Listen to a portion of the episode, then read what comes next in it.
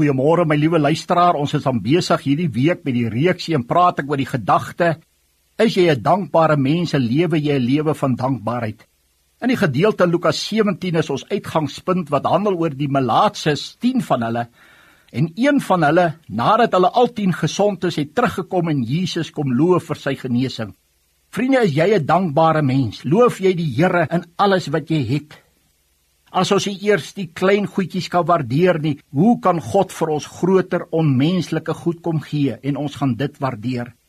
Ek lees van 'n tannie wat kanker gehad het en sy het haar been verloor. Sy het gebid: "Dankie Here vir die jare wat ek nie kanker gehad het en dat ek twee bene gehad het. Dankie dat U altyd vir my met gesondheid of sonder gesondheid lief is. Dankie dat U vir my met bene of sonder bene goed is." Wat 'n voorbeeld, wat 'n les is hierdie die van hierdie tannie nie. 'n houding van dankbaarheid teenoor die Here. Dawid stel vir ons 'n voorbeeld oor dankbaarheid in 1 Kronieke 17 vers 16 tot 27. Daar sê hy baie dinge waaroor hy dankbaar is teenoor God. Daar's 5 dinge in daardie verse waar hy die Here kom loof en prys oor alles wat God vir hom gedoen het. Waarvoor kan ons dankbaar wees vanmôre my luisteraar? Ons kan die Here dank vir die skepping, ja vir die suurstof, vir die son, vir die seisoene vir die berge, die see, die diere en die planteryk. As jy gered is, loof God en dank hom dat jy oor 100 biljoen jaar nog steeds saam met hom sal wees en saam met hom sal lewe. Wat 'n voorreg is dit. Dank hom omdat jy 'n kind van God is. Dalk 'n geroepene van God is.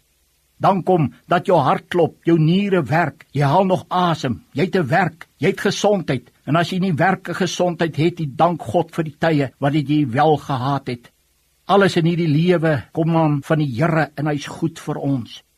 Is jy 'n dankbare mens? Ja, wat het jy nie alles nie. Gaan maak 'n lys. Gaan prys God vir daardie lys. Mag die Here vir ons dankbare mense maak. Kom ons bid saam.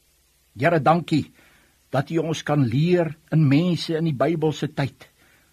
Here, help ons dat ons optimiste sal wees en nie pessimiste sal wees nie. Help ons om die glas half vol te sien en nie half leeg nie. Dankie vir alles, Here. Amen.